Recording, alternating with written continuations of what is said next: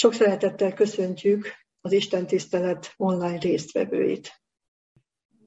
Kedves gyülekezet, mindenek előtt a legfiatalabbak, a gyerekek figyelmét szeretném kérni, hozzájuk szeretnék szólni néhány szót. Most, amikor beköszöntött a hideg idő, gondoljunk arra, hogy nem minden teremtménynek van meleg szobája, meleg ruhája, sokan fáznak, az állatok, madarak is, és nem csak azért fáznak, mert hideg van, hanem azért is, mert nem jutnak hozzá elegendő energiadús táplálékhoz. Ezért is szoktuk télen etetni a kis madarakat, és nem csak akkor, amikor a hó beborítja a tájat, és már nem találják meg a magvakat, hanem azért is, mert amikor már mínuszok vannak, akkor sokkal több energiára van szükségük ezeknek a kis madaraknak, hogy fel tudjanak melegedni, és egymást is tudják melegíteni. a Biblia beszél arról, hogy Istennek is gondja van az ő teremtményeire, gondja van a madarakra is.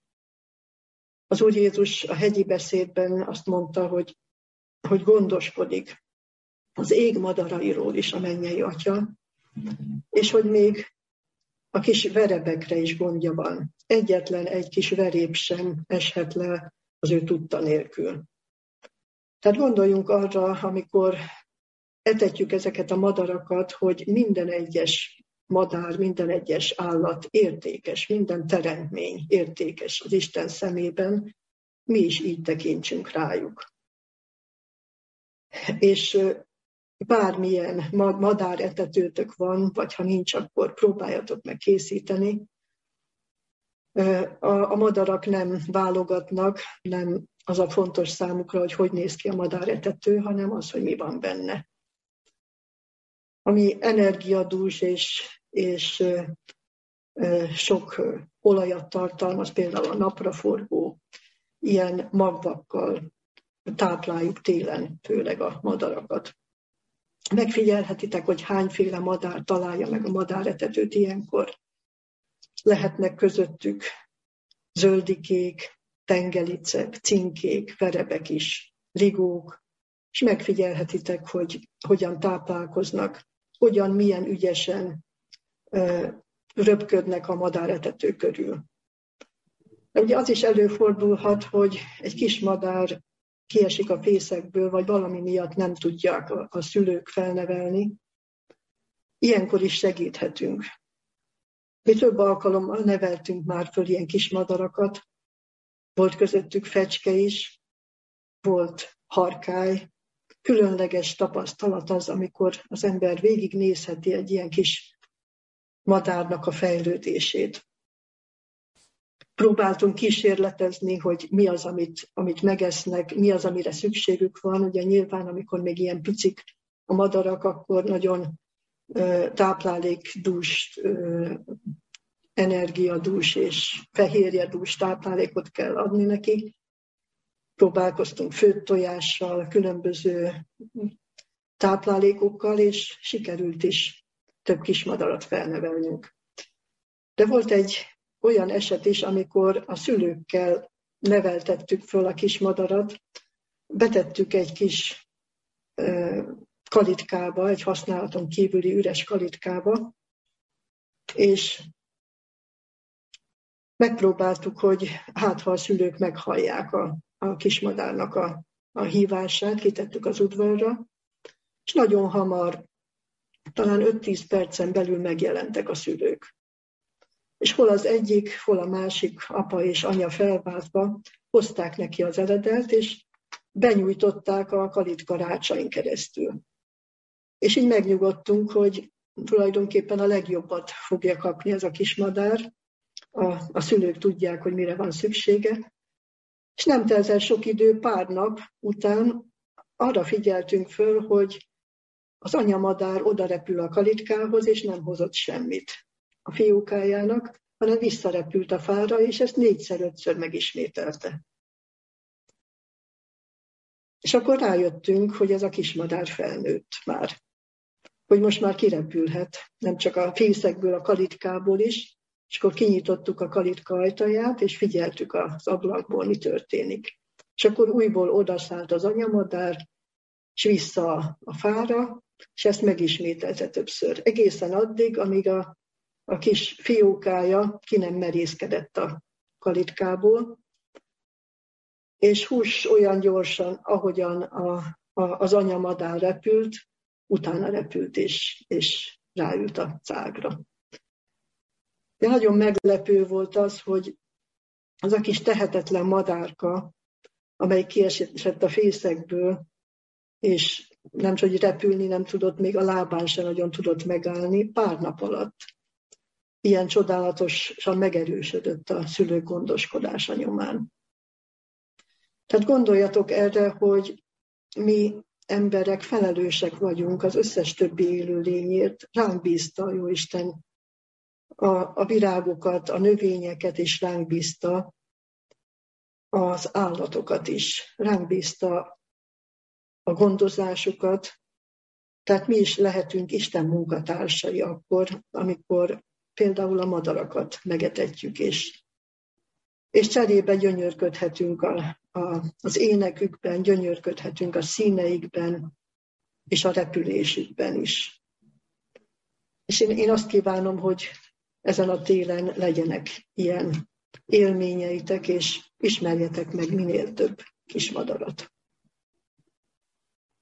És közben gondoljatok arra, hogy a mennyei atyának gondja van, nem csak a verepekre, hanem rátok is. Azt mondta Jézus, hogy ti sok verebecskénél drágábbak vagytok, nektek még a fejetek hajszálait is számon tartja Isten. Köszönöm a figyelmeteket. Most pedig mi Isten tiszteletünk alapigéjét, alapgondolatát szeretném olvasni. Korintus beliekhez írott második levél ötödik fejezetéből. És a 14. és 15. verset. Mert a Krisztusnak szerelme szorongat minket. Úgy vélekedvén, hogy ha egy meghalt mindenkiért, tehát mindazok meghaltak, és az, azért halt meg mindenkiért, hogy akik élnek, ezután nem maguknak éljenek, hanem annak, aki érettük meghalt és feltámasztatott. Tehát Pálapostól itt arról beszél, hogy mi az egyedül elfogadható indíték arra, hogy mi Krisztust kövessük, Istennek szolgáljunk. A Krisztus szeretete késztet, szorongat bennünket. Hogyha megismerjük valóban azt a szeretetet, aki értünk meghalt és feltámasztatott, aki értünk vállalta a, a bűneink büntetését, hogyha az ő szeretetét egyre inkább megismerjük és megértjük, akkor hálából, iránta való hálából és szeretetből fogjuk őt követni. De vajon ez ennyire egyértelmű és természetes minden keresztény számára? Nem lehetnek vajon más indítékok is a háttérben, hogyha valaki azt vallja, hogy keresztény, vagy hogy Isten szolgálja. A Biblia nagyon sok esetben beszél arról, hogy, hogy, hogy emberek sokassága él vallásos életet, hívő életet, úgy, hogy Istennek nem tetsző mégsem az ő élete, mert nem szeretetből teszi. Lehet megszokásból is követni bizonyos vallási cselekedeteket, vagy megszokásból is részt venni Isten tiszteleten. Az ige arról beszél, hogy sokan csupán a kegyesség látszataként tartanak meg bizonyos vallási szertartásokat, tehát nem igazán szívből, Isten iránti szeretetből követik őt, vagy, vagy szolgálnak neki. Ugye a Biblia sokszor hasonlítja az Isten és ember kapcsolatát a házassághoz is. Ehhez a szeretet kapcsolathoz, ami valóban egy nagyon erős kapcsolat, és kezdetben még jól indul. Ugye az első szeretet összetartja a, a házas feleket, de később ez a szeretet kihűlhet és ugyanakkor megmaradhat a látszat, tehát még együtt vannak, gondoskodnak egymásról, és és a megszokás is együtt tartja őket. De nagyon nagy a veszélye annak, hogy ez a hitéletben, a Krisztussal, az Istennel való kapcsolatunkban is így alakul. De Jézus panaszképpen mondja jelenések könyvében az ő gyülekezetének, hogy az a mondásom ellened, hogy az első szeretetedet elhagytad. Sokszor ezt nehéz is észrevenni éppen emiatt, mert a külső cselekedetek megmaradhatnak. A szokásaink, a, a vallásos cselekedeteink, ugyanúgy imádkozunk, ugyanúgy olvassuk az igét, ugyanúgy járunk gyülekezetbe, és végzünk bizonyos szolgálatokat, de már nincs ott mögötte ez a belső indíték, a Krisztus iránti szeretet, ami Pálapostól szerint belső szorongatásként, belső erős késztetésként kellene, hogy indítson bennünket. Ellen White úgy fogalmazza meg, hogy sokan úgy gyakorolják a vallásos életüket, mint ahogyan az ajtó jár a sarkán. Tehát mint egy, egy ilyen önműködő vallásos élet, mint egy, egy megszokott vallási cselekményeknek a sorozata, egy ilyen vallásosság jellemez sok, sok embert. És nekünk is meg kell vizsgálnunk önmagunkat, hogy, hogy vajon nincs-e jelen a mi életünkben is már ez a jelenség, hogy a külsőségek még, még működnek, de már kihűlt az Isten iránti ragaszkodásunk és szeretetünk. De ugyanakkor lehet más indítéka is annak, hogy valaki Isten szolgálja, és ez pedig részben kapcsolódik az alapigénkhez, de csak részben. Ugye ott a Krisztus szeretetéről olvashattunk. A Krisztus szerelme szorongat bennünket. Nagyon sokan vágynak arra, hogy valamilyen különleges élményeket éljenek át, tehát az érzéseik irányítják őket. És sokan így választanak akár még közösséget vagy gyülekezetet is maguknak, hogy hol érzik jól magukat. De nagyon nagy ennek is a veszélye, hogyha mi csupán az érzéseinkre hallgatunk, és ezt ne, ne tévesszük össze az igazi szeretettel. Mert az igazi szeretet vágyik arra, hogy megismerje szeretetének tárgyát.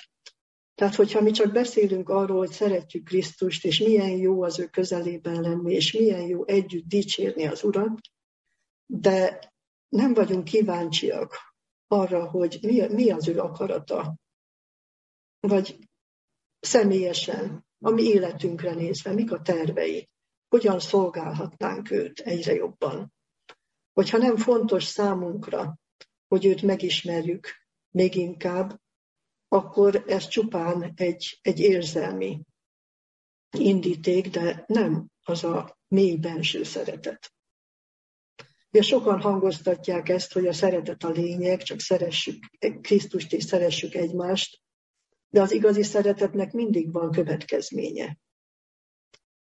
Ahogyan a bevezető igénk mondja, hogy a Krisztus szerelme késztet bennünket arra, hogy ne magunknak éljünk, ne önző életet éljünk, hanem az ő akaratát keressük, neki éljünk, annak, aki szeretett minket és önmagát adta, értünk.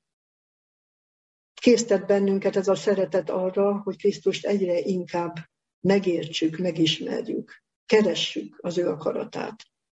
Az a pálapostól, aki leírta ezeket az igéket, amikor megtért, ezt kérdezte az úrtól, miután már rádöbbent arra, hogy kivel találkozott, hogy mit akarsz, Uram, hogy cselekedjem. És élete végéig ez volt a legfontosabb számára, hogy, hogy megértse, megismerje Krisztus akaratát, és őt kövesse mindenben.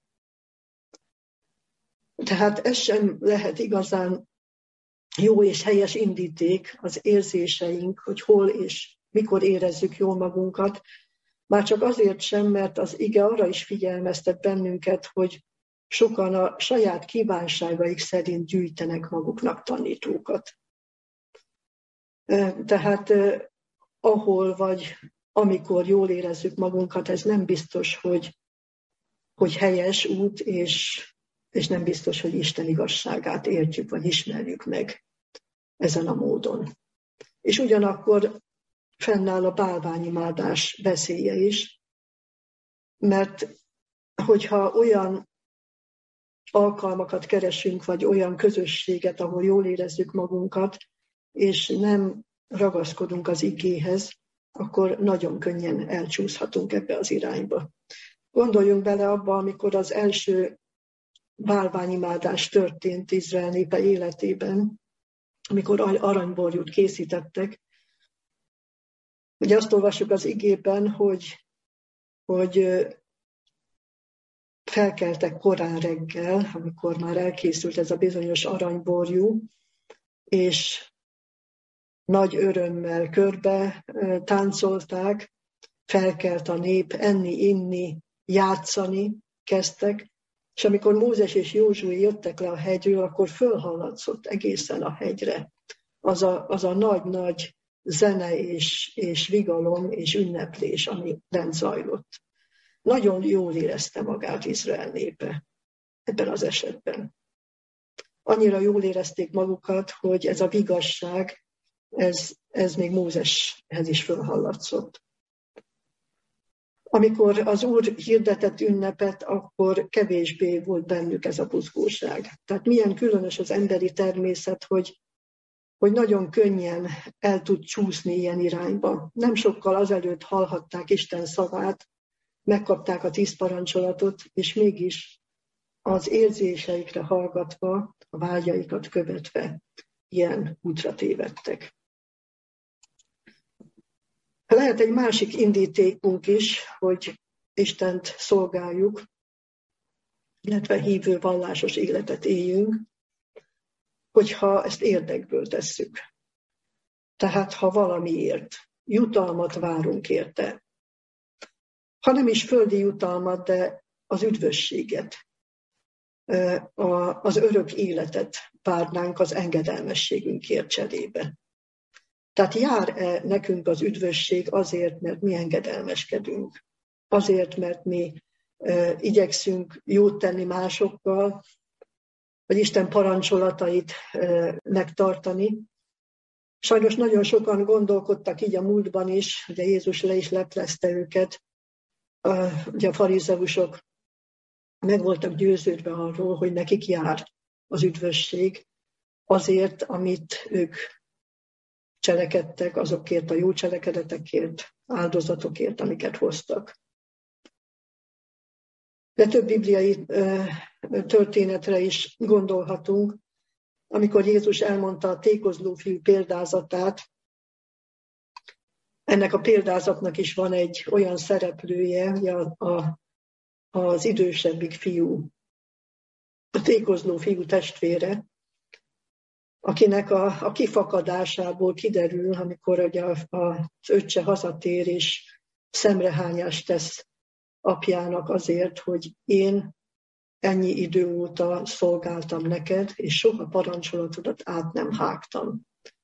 És nekem soha nem adtál még egy kecskegödőjét se, hogy barátaimmal vigadjunk. Ebből a kifakadásból láthatjuk, hogy ő tulajdonképpen valami jutalmat várt volna a szolgálatáért. Ő nem értette meg, hogy a legnagyobb jutalmat kapta, hiszen ugye ezt válaszolta neki az apa, hogy fiam, te mindenkor velem vagy, és mindenem a tiéd. Tehát ezt nem értékelte igazán, hogy ő ott lehet apja közelében, biztonságban, békességben, és apja minden kincsét megosztja vele. Tehát bármikor bármit vehetett volna a nyájból, nem csak egy kecskegödöjét. De ő mégis vált valami külön elismerést vagy jutalmat a szolgálataiért. Tehát gondoljunk erre is, hogy, hogy nincs valahol ott a gondolatainkban, hogy mi lesz a jutalmunk. Tehát nem szolgáljuk-e időnként érdekből Istent, vagy embertársainkat. Még Péter is, az egyik tanítvány megkérdezte Jézust egy alkalommal, ugye amikor a gazdag ifjú megszomorodva elment, hogy ímé mi mindent elhagytunk, és így követtünk téged. Mi lesz a jutalmunk? Mink lesz hát mi nékünk? Ugye így kérdezte Péter. És ugyan Jézus elmondta, hogy igen, lesz jutalom, de, de, de arról is beszélt, hogy, hogy, hogy nem ez a legfontosabb szempont, ami számunkra. Hogy, hogy mi jutalmat várjunk, vagy, vagy, vagy valamilyen dicséretet azért, mert, mert mi neki szolgálunk. Mert mi neki engedelmeskedünk. És sajnos ugye ehhez kapcsolódik a, a következő indíték, amikor nem is Istennek, hanem embereknek akarom megfelelni. Amikor emberek felé szeretnénk azt bizonyítani, hogy, hogy mi jó hívők vagy jó keresztények vagyunk. Ugye itt is gondoljunk a farizeusokra, akiket Jézus leleplezett, és ugye remélhetőleg nekünk nem ez az indítékunk, de azért érdemes ezen is elgondolkodnunk. Ezt mondta Jézus Máté Evangélium a 23. fejezetében. Ugye ott lényegében az egész fejezet őróluk szól, de csak néhány gondolatot idéznék.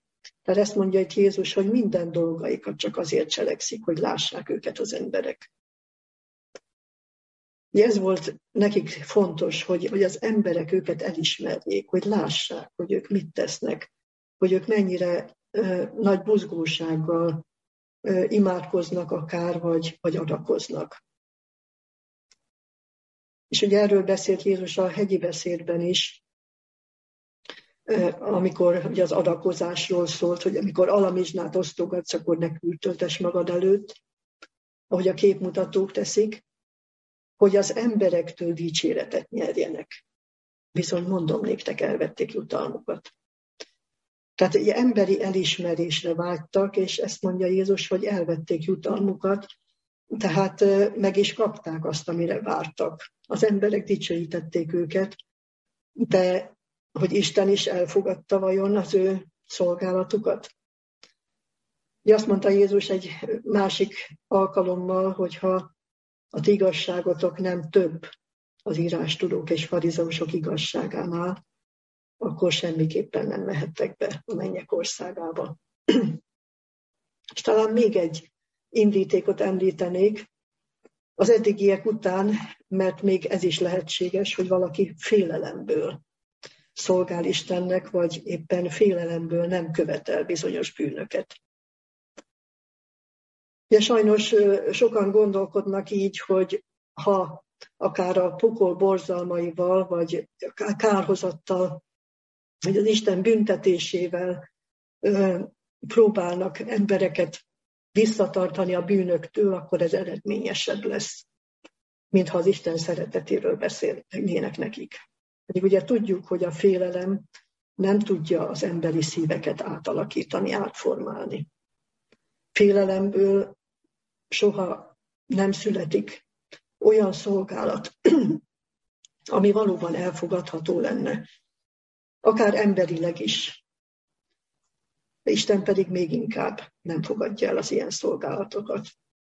Ugye több példát is látunk a Bibliában erre nézve, csak megemlíteném a talentumok példázatában az egy talentumos szolgát.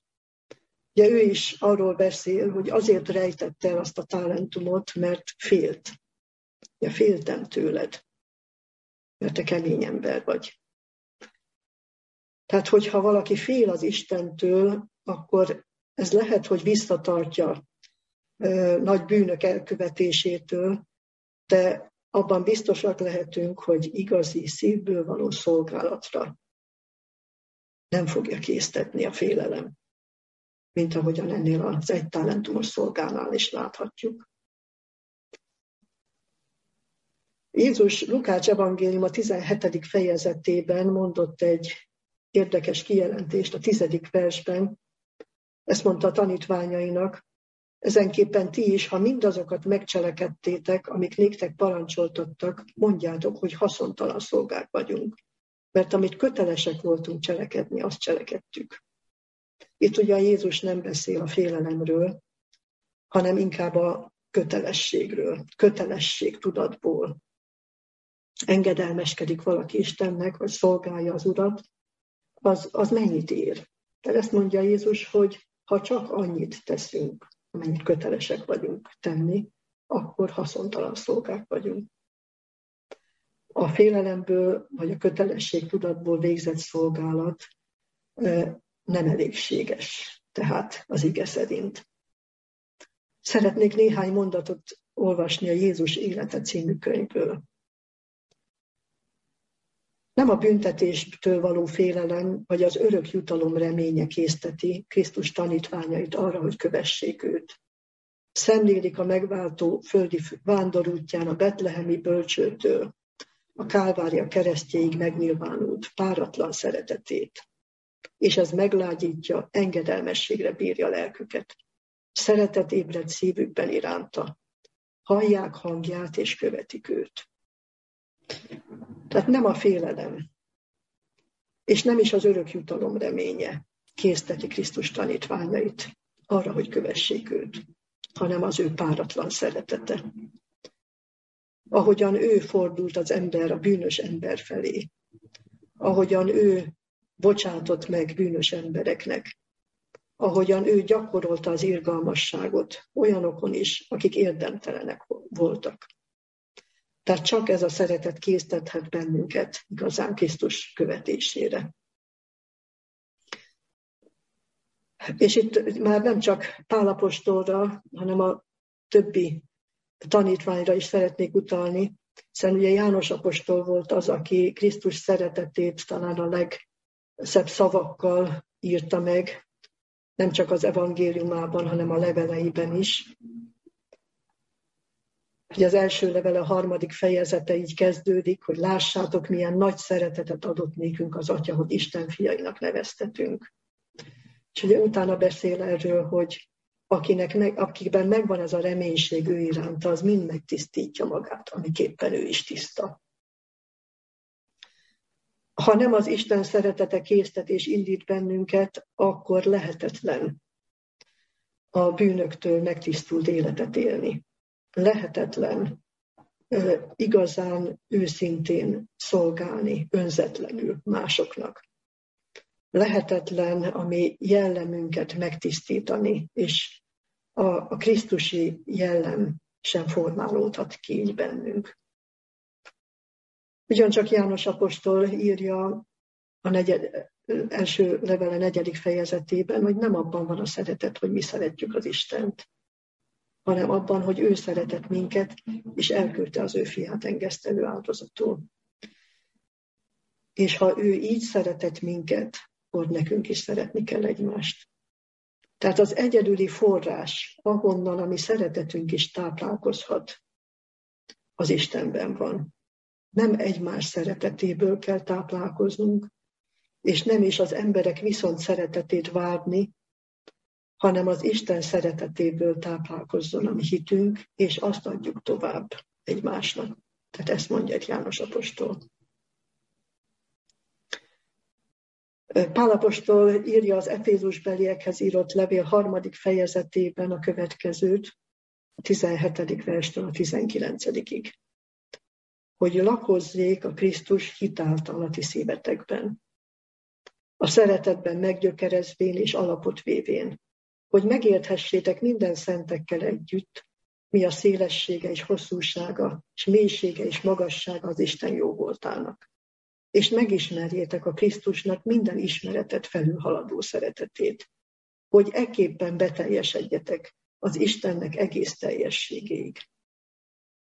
Igen, ez is egy nagyon jól ismert ige, de nézzük meg, hogy nem nem akkor lehet beteljesedni az Isten egész teljességéig, hogyha mi félelemből vagy kötelességtudatból aprólékosan mindent megtartunk, mint a farizeusok. Lehetetlenség. Csak akkor lehetséges, hogyha meggyökerezünk, ahogyan itt megfogalmazza Pálapostól, meggyökerezünk a szeretetben, hogyha megismerjük Krisztusnak minden ismeretet felülhaladó szeretetét, és akkor teljesedhetünk be az Istennek egész teljességéig. Azért tartja nagyon sok keresztény lehetetlennek a Krisztushoz való hasonlóságot, a Krisztusi jellem elérését, mert önmagukra támaszkodnak. Azért, mert az eddigi tapasztalataikat tartják mérvadónak, és másokra néznek ugyanakkor.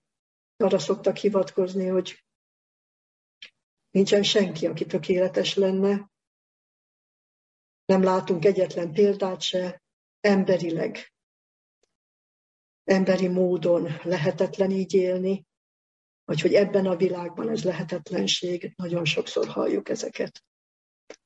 Igen, ezt Jézus is nagyon jól tudja, ő maga is kimondta ezt, hogy embereknél ez lehetetlen. De ő vele együtt minden lehetséges. Ha lakik Krisztus hitáltal a mi szívünkben, hogyha nem önmagunknak élünk, hanem annak, aki értünk, meghalt és feltámasztatott, ha megismerjük a Krisztus minden ismeretet felülhaladó szeretetét, és ez a szeretet késztet bennünket arra, hogy neki éljünk, akkor lehetséges az Istennek egész teljességéig eljutni.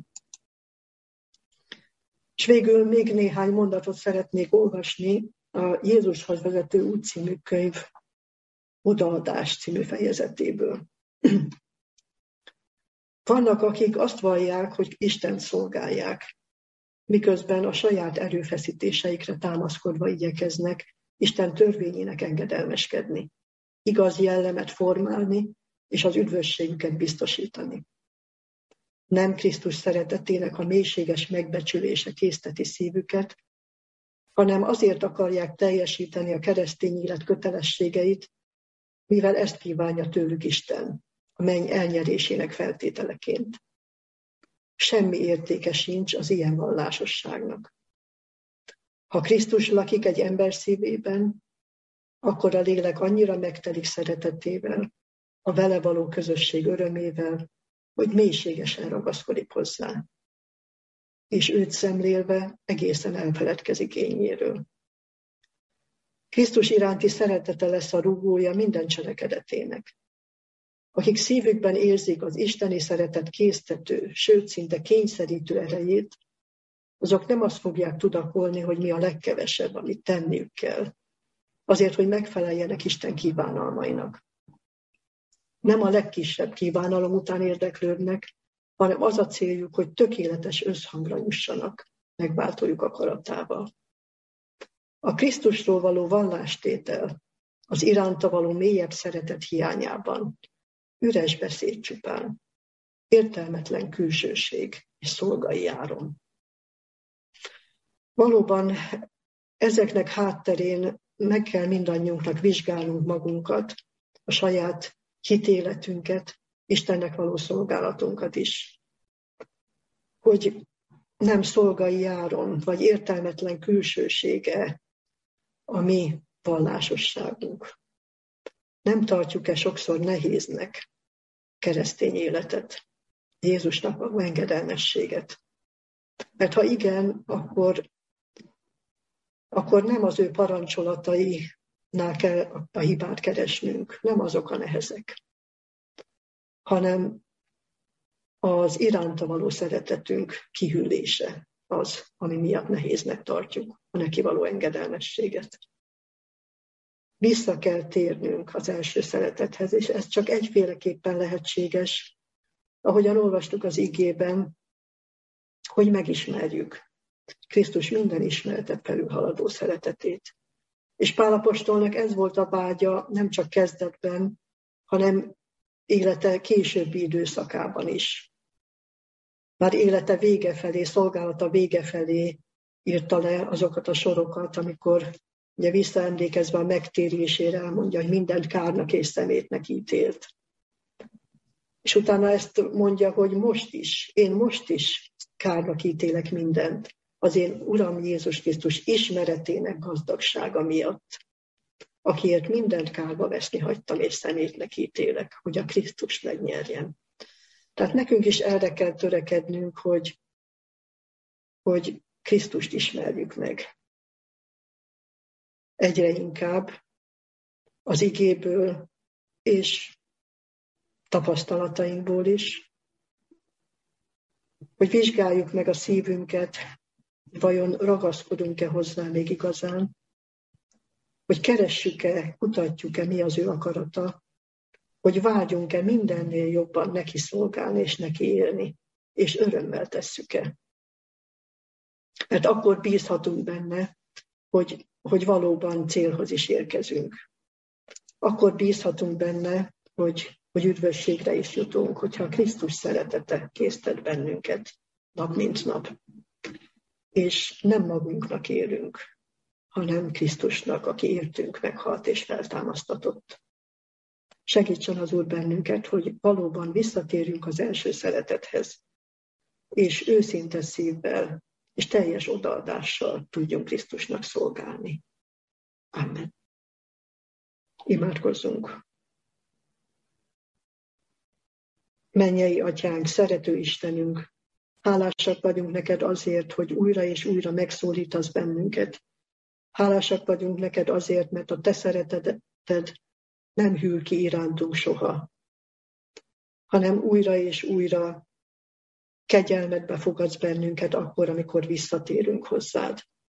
Segíts bennünket, hogy meglássuk a mi hitéletünkben, a mi szolgálatunkban a veszedelmet akkor, amikor már, már elfordulunk tőled, vagy amikor már kihűlt az irántad való szeretetünk, hogy észrevegyük azt, amikor megszokássá vált az ima életünk, amikor megszokássá vált az Isten tiszteleten való részvételünk, amikor már a szívünk távol van tőled. Urunk Istenünk, segíts, hogy el ne tévedjünk. Segíts, hogy ne a magunk kívánsága szerint keressünk magunknak közösséget, vagy tanítást, vagy vallásgyakorlatot, hitbeli tapasztalatokat, hanem ez az egyedüli indíték legyen bennünk, a te irántad való ragaszkodó szeretet. Késztessen bennünket nap mint nap arra, hogy keressük a veled való közösséget, imádságban is, hogy keressük a te akaratodat a te ígédben, hogy kérjük a te szent lelked vezetését, hogy adjon nekünk alkalmakat a te szolgálatodra, és hogy mindezt örömmel tegyük. Köszönjük, Urunk, hogy te fel tudod éleszteni bennünk az irántad való szeretetet újra és újra. Köszönjük, hogy ezt megteszed, hogyha mi vágyakozunk rá, hogy megváltunk, Jézus Krisztus nevében kértünk. Amen.